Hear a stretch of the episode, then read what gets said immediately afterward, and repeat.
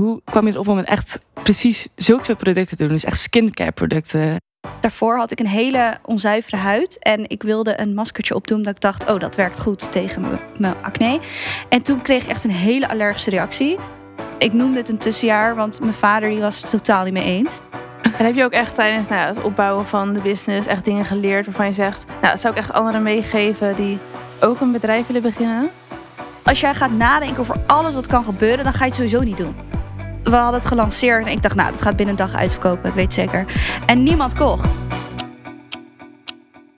Welkom allemaal bij alweer de vierde aflevering van onze podcast Meet Your Future. Hoe gaat het vandaag met jou, San? Ja, gaat goed, gaat goed. Ja? Heb je nog iets, eh, een highlight van de week of een fuck-up? Nou, highlight is toch wel dat ik eigenlijk in de zomervakantie een beetje tegenop zag. Om dan weer echt het leven in te gaan. Het, nou, het echte leven, hoe je het dan wil zeggen. Dus met lange dagen en weer druk. Maar ja, we zitten er weer helemaal in. We hebben druk met werk. En eh, het gaat eigenlijk allemaal heel goed. Dus het voelt me goed. Ja. Dat is toch chill, dat gaat altijd zo vloeiend of zo, hè? Ja, ja, Ja. precies. Dus je ziet er altijd tegenop. Maar als je helemaal in zit, is het alleen maar fijn. Want ik heb ook altijd van die mensen om me heen die zeggen... ja, ik heb echt geen zin meer om te studeren. Echt oh, geen zin in. En dan denk ik, nou, ik vind het best wel leuk altijd... om weer de eerste keer naar de college te gaan of zo. Dan voel ik me altijd helemaal gemotiveerd. De eerste week in ieder geval wel, maar... Ja. En heb Dat je is nog een nu. fuck-up?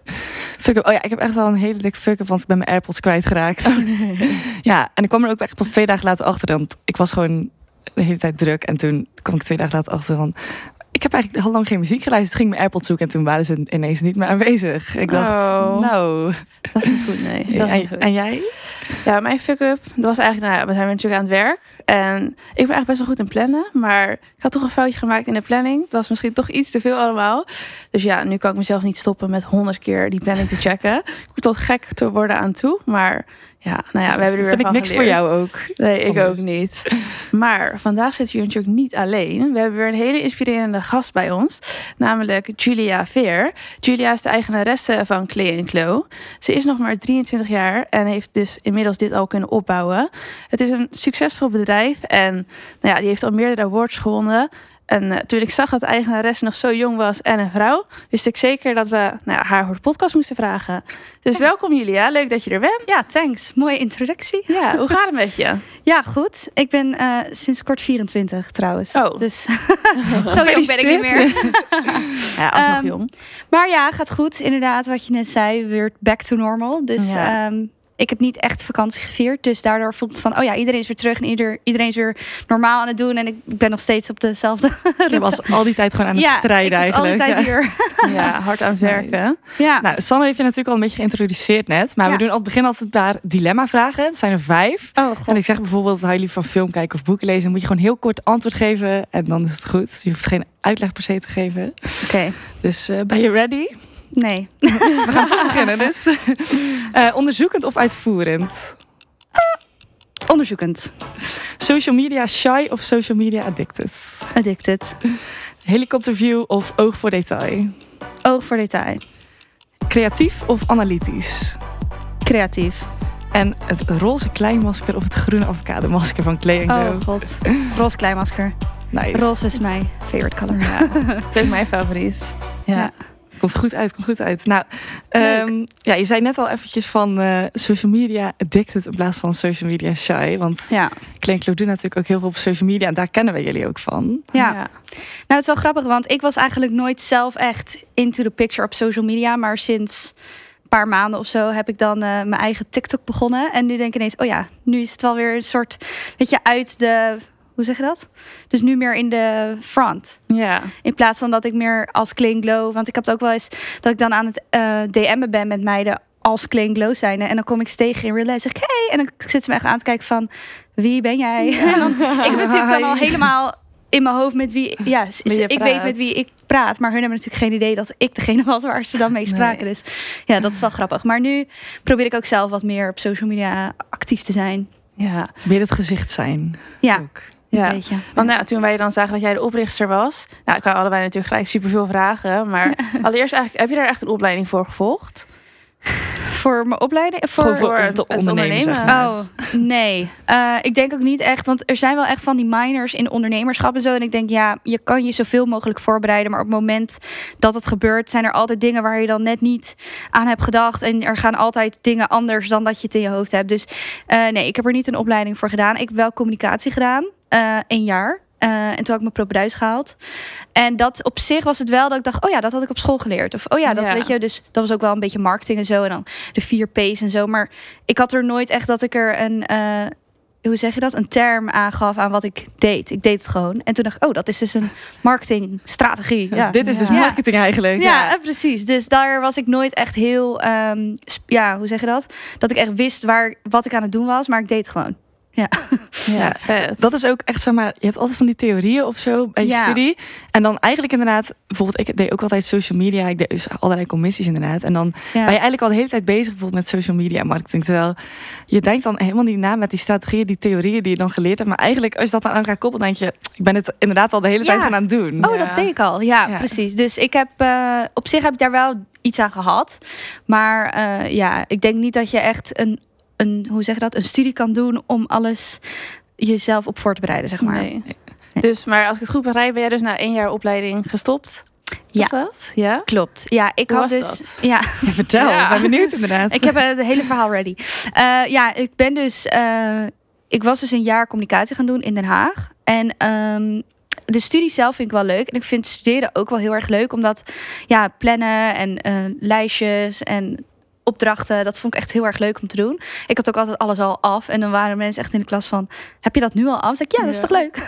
Dus Oh, ja. ik, ik, vond, ik vond het ook wel echt heel erg leuk. Alleen op een gegeven moment ben ik dus eh, mijn eigen onderneming begonnen. Dat was zo'n online webshopje. Ik wil, toen zei ik dat het echt een online bedrijf was. Maar ja, het was gewoon een webshopje. Ehm, en dat ging eigenlijk op zich steeds meer beter, beter, beter. En toen dacht ik, oké, ik, ik had zeg maar een baan gewoon. eh, ik deed ehm, bij ADO Den Haag werkte ik. Ik eh, werkte eh, op een school. Ik deed dus zelf mijn schoolopleiding. En ik had dus mijn bedrijfje ernaast. En toen dacht ik van ja, oké, ik moet even gaan kiezen waar ik nou mijn focus op wil leggen, want ik kan niet alles tegelijk. Eh, en toen dacht ik van nou ja, ik wil gewoon eigenlijk mijn focus op het ondernemen, omdat ik daar echt het leukste, ja, ik vond het echt het leukste en ik werd, ik werd helemaal enthousiast van. En kwam ik thuis na mijn studie en werken en zo. En dan was ik echt tot uren in de nacht was ik dan en daarmee bezig en dacht ik, oh ja, shit, ik moet eigenlijk slapen, want morgen moet ik weer naar college. nog, ja. Ja, en toen op een gegeven moment dacht ik, ja, ehm, ook omdat ik zeg maar communicatie studeerde, dacht ik, ja, het ergste wat het kan gebeuren is dat ik na een jaar weer terug moet naar school. Nou ja, en ik was zo jong, ik was 18, 19. Ja, Ja, dat is echt niet erg inderdaad. ja, dat is niet zo erg. Dus toen ehm, ben ik dus, had ik een soort tussenjaar genomen. Ik noemde het een tussenjaar, want mijn vader die was het totaal niet mee eens. En toen zei nee, het is gewoon een tussenjaar. En daarna ga ik alweer naar school. Maar ik had al eigenlijk al meteen in mijn hoofd van, nou, als het goed gaat, ga ik niet meer terug naar school. Spannend Ehm, inderdaad. Dus ja. je, je vader was het er inderdaad niet mee eens. Maar heb je wel voor de rest van je familie en vrienden bijvoorbeeld support gekregen ook? Of wa- was het wel een beetje zo dat iedereen was van... Hmm, nou ja, hoe gaat dit... eh, Ik had echt het hele plaatje in mijn hoofd. En ik wist gewoon, dit gaat het grootste ooit worden. En ik had het helemaal uitbedacht. En eh, ja, zeker als ouders proberen ze natuurlijk altijd te beschermen. En zien zij niet wat jij ziet. Dus in het begin hadden zij zoiets van, waar ben je allemaal mee bezig? Wat, wat is het allemaal? Maar ja, ehm, het is ook niet dat ze me heel erg eh, wilden onterven of zo. Weet je, ze hadden zoiets van, doe gewoon maar waar je zin in hebt. En ja, ik zei, ik zei ook van de voor en tegen had ik ook met hun besproken. Ja, het ergste wat kan gebeuren. En ik had ook zoiets van, eh, met studieschuld. Als ik in ieder geval niet 10.000 euro in, in de min sta, heb ik het al goed gedaan. Ja. Dat dacht ik ook een beetje. Dus, eh, en daar waren ze het wel mee eens. Dus toen hebben ze me gewoon lekker gelaten. En op zich wel gesport hoor. Want zeker in het begin, weet je, dan vr- vroeg ze... En, hoe gaat het ermee? En heb je al nog dit en dat? En in het begin, als, je, als ze dan vroegen erover en het ging helemaal fout... zei ik, ik wil het er niet over hebben. en dan, oh, Oh. oké. Dit mogen jullie even niet horen. Ja. Ja.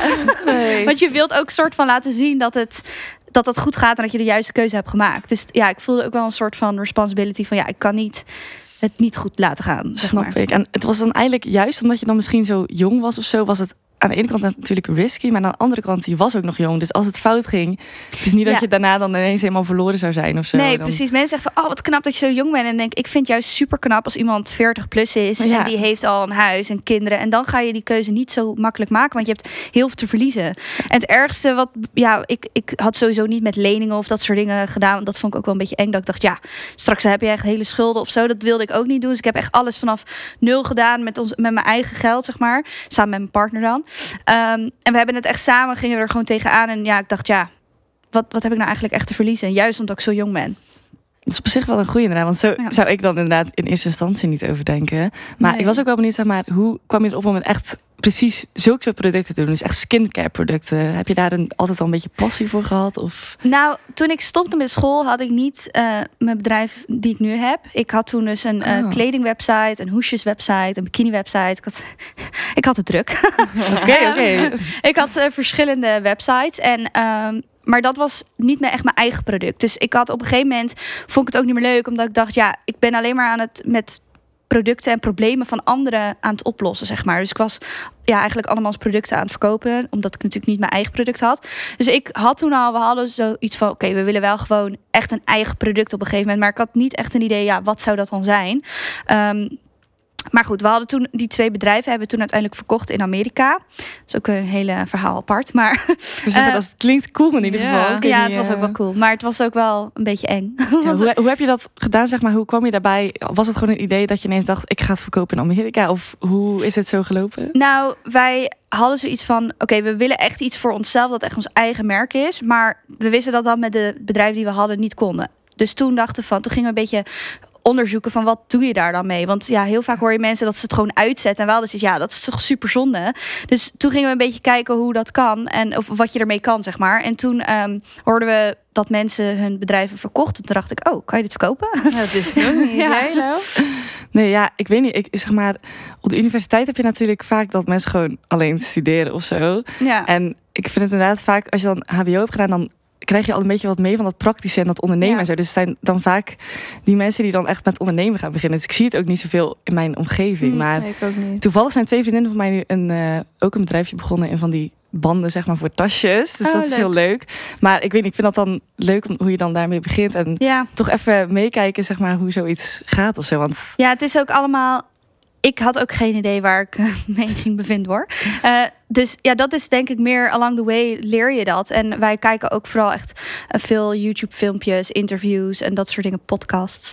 eh, Van meer van Amerikanen, omdat we toch merkten dat Nederlanders toch best wel klein denken en denken van, oh, dat kan niet. En je hebt ook in Nederland heb je ook zo'n website waar we dus onze website op wilden verkopen. En toen zeiden ze, nou, eh, dat gaat nooit lukken. En wij, oh, oké, nou, dan gaan we wel gewoon. En toen dachten we van, als we het willen, moet het gewoon in Amerika.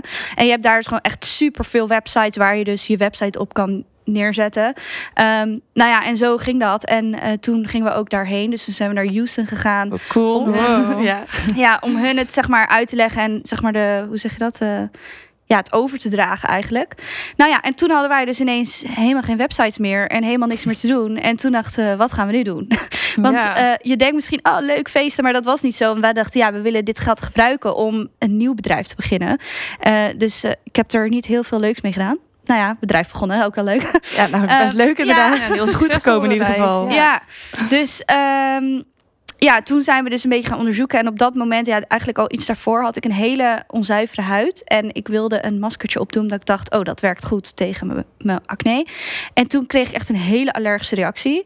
Ehm, dus ik had aan de ene kant op een gegeven moment aan de ene kant van mijn hoofd gedaan, dat ik dacht van, nou, het zal wel niet dat het zo erg is. Toen heb ik daar een foto van gemaakt. En dan zie je dus echt precies dat het helemaal rood is en dat mijn huid daar echt heel erg slecht op ging. En toen dacht ik, oké, hoe werkt dit? Weet je, ik dacht gewoon, nou ja, skincare is niet echt voor mij. En toen, in diezelfde periode dat wij dus echt een beetje aan het kijken van wat willen we nou doen, toen zei ik tegen mijn partner van, waarom gaan we dit niet doen? Want ik had dus, ik liep ook bij een dermatoloog en ehm, alle mooie roze cute verpakkingen, daar reageerde mijn huid echt super slecht op. En uiteindelijk moest ik dan echt naar die saaie witte apotheek dingen. En toen dacht ik, ja, daar word ik niet blij van. Ik word dan niet van, oh, ik ga even dit gebruiken en dat gebruiken. Oh, en ik ga het weer opnieuw kopen. En dat je dan blij wordt van de verpakkingen. Dus ik dacht van, waarom kunnen mooie producten ook niet gewoon goed zijn? Dus weet je, met natuurlijke ingrediënten, gemaakt door bioloog, dat soort dingen. Dus toen dacht ik, oh, dat gaan wij even doen. Alleen ja, het was niet even. Het was wel... Nee.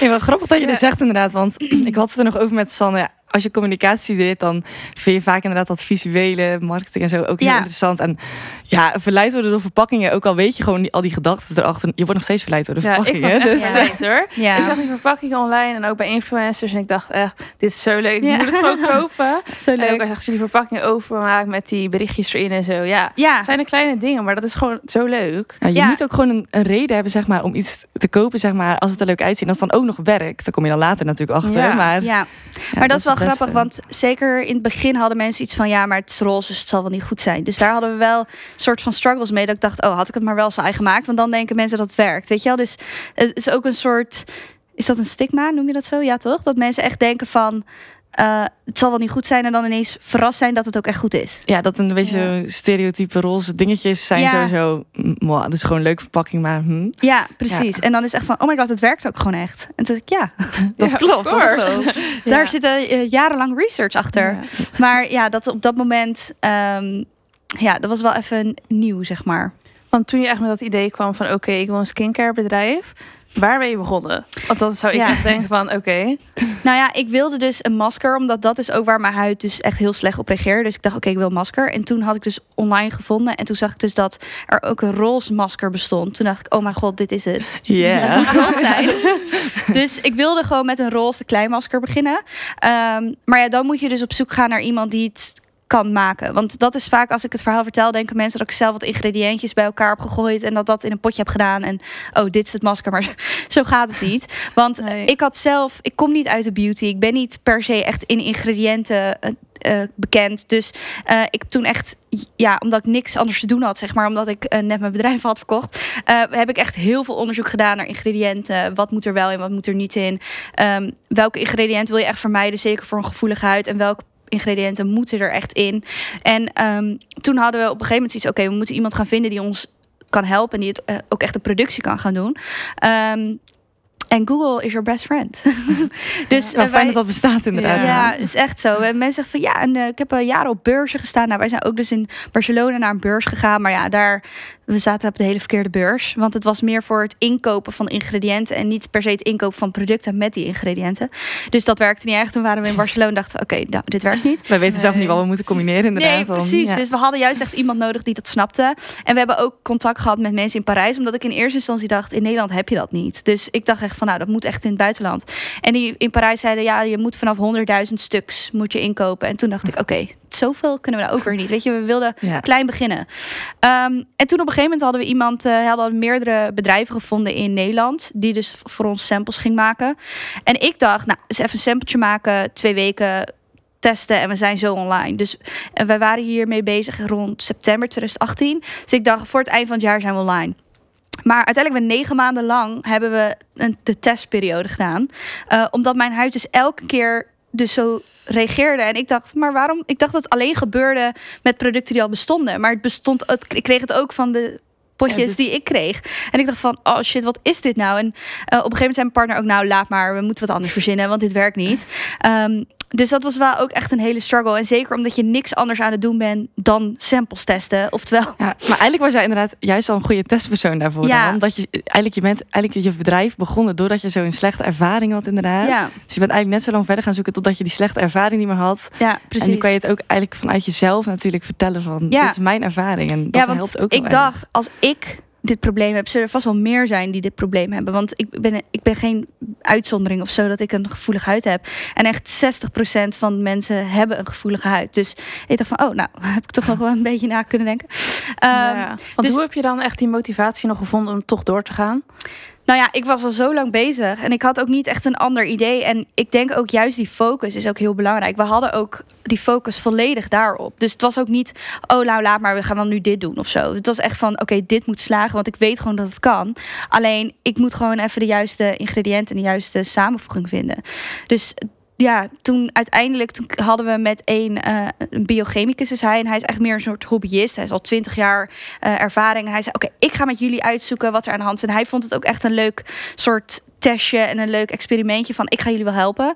En toen hebben we ook echt daar met hem gezeten en de ingrediënten. En dan oké, hier zit maar 1% van dit en hier zit 0,5%, hier helemaal niet. Oh, Waar werk je goed op? Oh, waar reageert je huid goed op? En zo hebben we dan echt ja, eigenlijk de perfecte formule voor mijn huid dan gecreëerd. En toen dacht ik, nou ja, als ik hier Wel goed iets op reageer, unieks, ja, dan moet het wel goed komen.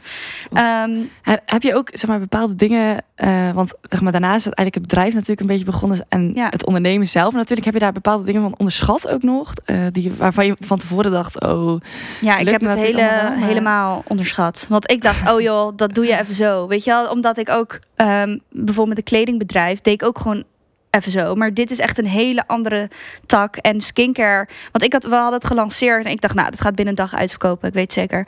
En niemand kocht. En ik dacht echt van, oh, oké. En toen dacht ik van, waarom koopt niemand? En toen gingen mijn partner en ik echt bra- brainstormen van, oké, waar ligt het aan? Want we hebben alles aan point en we weten zeker dat het goed komt. En toen zeiden we ook van ja, maar dit is wel een skincare product. Iemand moet het wel op zijn huid en op zijn gezicht aanbrengen. En als het niet echt, als je niet echt die trust hebt van oh, dit gaat goed komen. Ze gaan eerst even aankijken van nou, ik wacht wel even tot mijn vriendin het heeft geprobeerd en dan probeer ik het wel. Zeker met een nieuw merk. Dus ehm, ja, toen hebben we gewoon echt daarop gefocust en hebben we heel veel weggegeven en heel veel feedback vooral ontvangen, zodat we daar ook dan weer iets mee konden, zeg maar. slim inderdaad. En had je dan vaak ook, zeg maar, als je slechte feedback had of zo, vond je dat dan lastig om daarmee om te gaan? Of Mm, ja, ik neem het heel vaak heel persoonlijk op. Daarom, ik had in het begin deed ik ook eh, de klantservice. En dat was echt het eerste dat ik zei, dit moet ik uitbesteden. Want ik werd echt helemaal lijp. Omdat, ja, als er bijvoorbeeld iets misging met DHL... dan zeiden ze, ja, jullie zijn echt slecht. En denk ik, eh, het is niet mijn schuld, het is DHL. kon er niks aan doen ja, inderdaad. Ja. En- En ik snap als gefrustreerde klant, snap ik heus wel dat ze denken van, nou, eh, weet je, wanneer komt nou dat pakketje binnen? Dat snap ik. Eh, maar ja, ik neem dat dan gewoon heel persoonlijk op. Dus ever sinds we dat hebben uitbesteed, is het echt helemaal zen. het bedrijf weer helemaal on. Ja. point inderdaad. Ja. Ehm, ik weet eigenlijk even niet meer wat je vraag was. ja, of je met feedback kon omgaan. Oh ja, dus ik vind dat wel lastig. Maar als het echt over de producten en de inhoud gaat, dan denk ik, hier kunnen we alleen maar wat mee. Eh, we hadden bijvoorbeeld in, bij het masker, dat is in een potje. En eh, wij. Dus normale kleimaskers zit dan een paar percentage klei in. Eh, en dan eigenlijk bestaat het meer uit water dan uit klei. Maar die van ons bestaat voor 40% plus uit klei. Maar klei droogt heel snel uit. En wij hebben dus veel last gehad van potjes die dan helemaal uitdrogen. En dan komen ze naar jou toe van ja, het is echt keihard. En dan denk ik, ja, daar moeten we wat aan doen. Dus eigenlijk elke keer als we dat soort feedback kregen, hebben we hem echt zo weer opnieuw geformuleerd en weer veranderd. Dat het dus, ook al laat je het een, een jaar in het potje, dat het daarna niet keihard is, maar dat je het ook gewoon weer kan gebruiken. Dus ja, we proberen juist die, dat als feedback te zien en mee te nemen. En als je het dan vaker hoort, dan denk je, oké, daar moeten we echt wat aan gaan doen. Dus ja, het is een beetje dubbel. Ja, en de uiterlijk echt van alles. Hoe ben je erop gekomen toen er tijd? Het is Ehm, zo mooi en anders. Oh, thanks. Ja, het valt Ja. echt op, dus ja. Nou, het hadden we eigenlijk allemaal zelf, hebben we alle designs gedaan. Dus soms vragen mensen, oh ja, welke bureau gebruiken jullie? Want die willen wij ook. En dan zeg ik, oh, ik ben het bureau. Ja, Ja. Eh, maar mijn partner is ook heel erg creatief en hij is ook heel erg op detail. Dus dan zegt hij, oh nee, dit moet daar en dit moet daar. En dan heeft hij een idee of heb ik het een een idee. En dan gaan we samen achter de computer zitten en dan maken we het helemaal in onze stijl. Dus we hebben het logo hadden we bijvoorbeeld ook zelf gemaakt. Dus mijn partner had de naam bedacht en ik zei, oh dat is leuk als je dan een soort in een vierkant dat klei en dan dat end er zo leuk doorheen. En dan kan je daar dan ook weer een mooie lettertype van maken, dat je die dan overal Ja. laat terugkomen. Dan Dus je toch nog iets aan je communicatiestudie ja, bijna. ja, precies. En ook gewoon heel erg veel kijken wat, wat er al in de markt is en hoe je het dan anders wilt. En we hadden bijvoorbeeld het avocado masker, wat je net zei. Dat is natuurlijk weer eerste product dat niet roze of in de roze vibe is, maar die is echt mintgroen. En ik dacht, ja, niemand gaat daar om, niemand wil dat. Iedereen, mensen willen alleen maar roze, omdat ik dat wil. Maar ehm, ja, dat is nu een bestseller. Dus Maar dat ja. is inderdaad gewoon eh pastelkleur in het algemeen, denk ik dat dan uiteindelijk wel gaat werken. hè. Want je, dan, je associeert dan een merk altijd met iets, een bepaald iets, zeg maar. Ja. Maar als je dan een beetje gaat experimenteren, Ja. dan heb je misschien dan ook wel gemerkt dat dat, Ja, dat dat ook wel soms fout, kan. soms slecht gaat. Maar Ja, Ja. precies. Dus we proberen wel. En nu proberen we alles weer een beetje strak te trekken. Want we hebben al die producten los eigenlijk gelanceerd. Ehm, waardoor op de ene packaging iets wel staat en op de andere niet. Dus dan hebben ze iets van, nou, dan willen we dat gewoon allemaal een beetje strak trekken. Dat je er echt één vibe van hebt. Zodat als je bijvoorbeeld het logo weghaalt, dat je dan nog steeds ziet, oh, dit is Clean Glow. Want jullie Ja. hebben natuurlijk ook, zeg maar, wij zijn natuurlijk twee bewogen jaren geweest. Dus heel veel online focus is natuurlijk denk ik Ja. ook geweest. En ja, ik ken het dus ook gewoon. Ik zie heel veel eh, altijd leuke kleurtjes voorbij komen op TikTok overal. Maar heel veel influencers hebben jullie ook gestrikt. Zeg maar, hoe, hoe heb je het zeg maar als je een bedrijf begint, zeg maar op het begin, hoe heb je ze daarvoor gestrikt? Want het is best wel moeilijk, Ja. lijkt mij tenminste. Maar... Nou, ik had iedereen gemaild en ik had geen antwoord van niemand. niemand die antwoordde terug. Maar het was wel grappig, want wij hadden dus al voordat we überhaupt het product lanceerden, hadden we al onze Instagram. Omdat, ja, wat ik zei, we hadden niks anders te doen. Dus we dachten, oh, hoe leuk is het als we alvast een Instagram beginnen? En dan kunnen we echt een beetje de klanten meenemen in het lanceren ervan en van het merk. En kan je ook meteen feedback krijgen. Dus wij zijn toen dus al eh, in december 2018, dus al een half jaar voordat we echt het product lanceerden, waren we al een Instagram begonnen. En wij posten dan eh, drie keer per dag. Maar je had natuurlijk nog geen content, want je had nog geen product. Dus we hadden een random meme dat wel grappig was. Ehm, het was ook in die tijd dat dat met Khloe Kardashian en Tristan was. Oh ja, Dus ja, Dus ik toen nog dat wel. En toen kregen we super veel volgers erbij. Toen dachten we, oh, dat werkt. Dus eh, dat hadden we toen gepost. En we posten celebrities. En toen hadden we dus een keer Kim Veenstra gepost. Dat ze bij een zwembad zat. En we hadden toen een app gevonden dat je dat water kon laten vloeien. Dus toen hadden we gepost, haar getagd. Maar we posten elke dag een celebrity. Dus we hadden er niet echt iets achter eh, bedacht van... oh, ze gaat reageren of zo. Maar zij reageerde dus van... oh, wat gaaf, hoe hebben jullie dat gedaan met het water? En toen volgde ze dus ons. En toen op het moment dat het product lanceerde... toen zeiden we van... hey, nou, je volgt ons al een tijdje. Het is vegan, cruelty-free. Daar staat zij echt voor. Zou je het leuk vinden om er een te ontvangen? En toen zei ze, nou, dat vind ik wel heel erg leuk. Dus toen hadden we dat naar haar gestuurd. En toen een paar dagen later, toen eh, stuurde ze een berichtje van... hey, ik heb toevallig volgende week een pers-event... en daar komen 30 influencers. Mag, mag ik 30 maskertjes voor jullie? En toen zei ik, ja, eh, tuurlijk. Alsjeblieft wel, ja. Ja, dus zo kwam het al meteen kans. bij Monica Geuze, Anna Noushing. Weet je, die hadden dat dan toen allemaal zo. Dus het is denk ik een beetje geluk hebben. Maar aan de andere kant is het ook juist die consistency. Want als wij dachten, nou, we gaan nog even die post, het werkt toch niet. Dan hadden we ook niet haar al als volger. Nee. Dus ja, ik denk... eigenlijk inderdaad hoe dat dan zo ja. inderdaad kan beginnen. Ja, en doordat zij dus al het posten en er al fan van was, kan je dan ook makkelijker een ander benaderen van hey, Kim Veenstra gebruikt het al. Weet je wel, vind jij het ook leuk om te gebruiken? Dan Dus- ook echt inderdaad zo'n model inderdaad die natuurlijk helemaal om zijn kind kan geven. Dan Ja. vertrouw je het gelijk al van oeh. Ja, dat dat zal wel goed wel. zijn. Ja, dus we zijn Kim eeuwig dankbaar. Ah, ja. En heb je ook echt tijdens nou, het opbouwen van de business echt dingen geleerd waarvan je zegt, nou, dat zou ik echt anderen meegeven die ook een bedrijf willen beginnen? Ehm, ja, toevallig zag ik laatst op TikTok ook een man dat zeggen. En toen dacht ik, dat echt waar. Van je moet eigenlijk gewoon... Ja, ik weet niet of ik mag schelden hier. Maar eh fuck things up.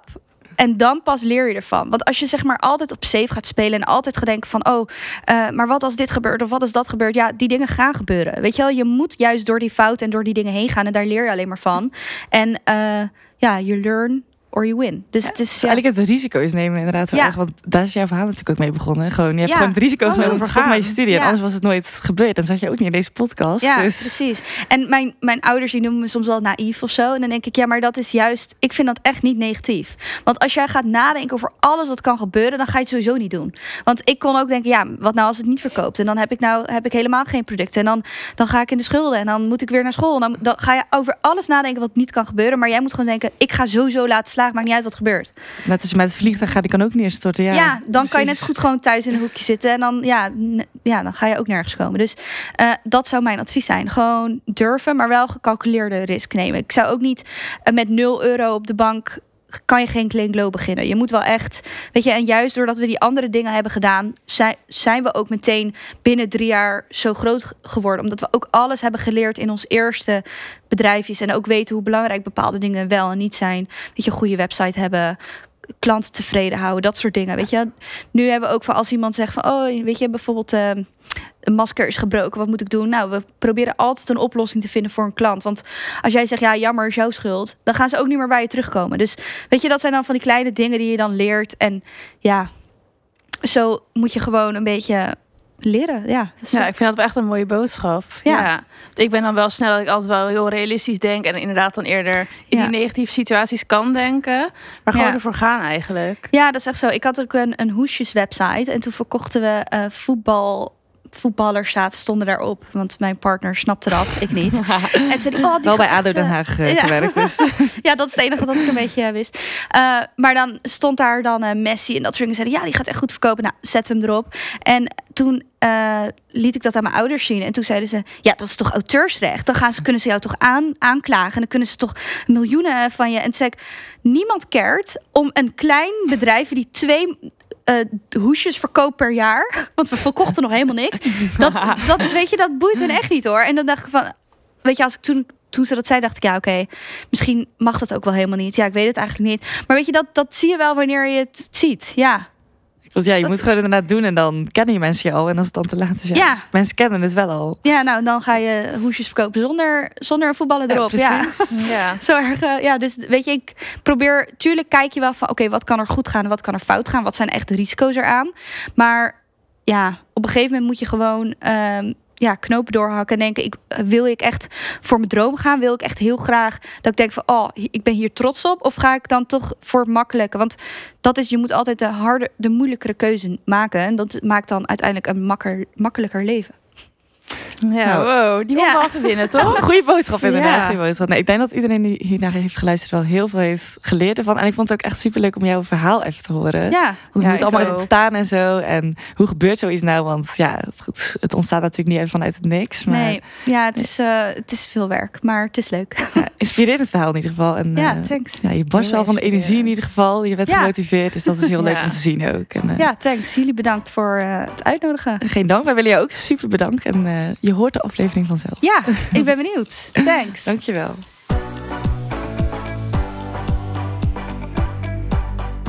Nou, Lau, wat vond je van de aflevering? Ja, echt heel leuk. Ik vond het ook gewoon even leuk om degene die Jan Clay en Glow op heeft gericht te ontmoeten.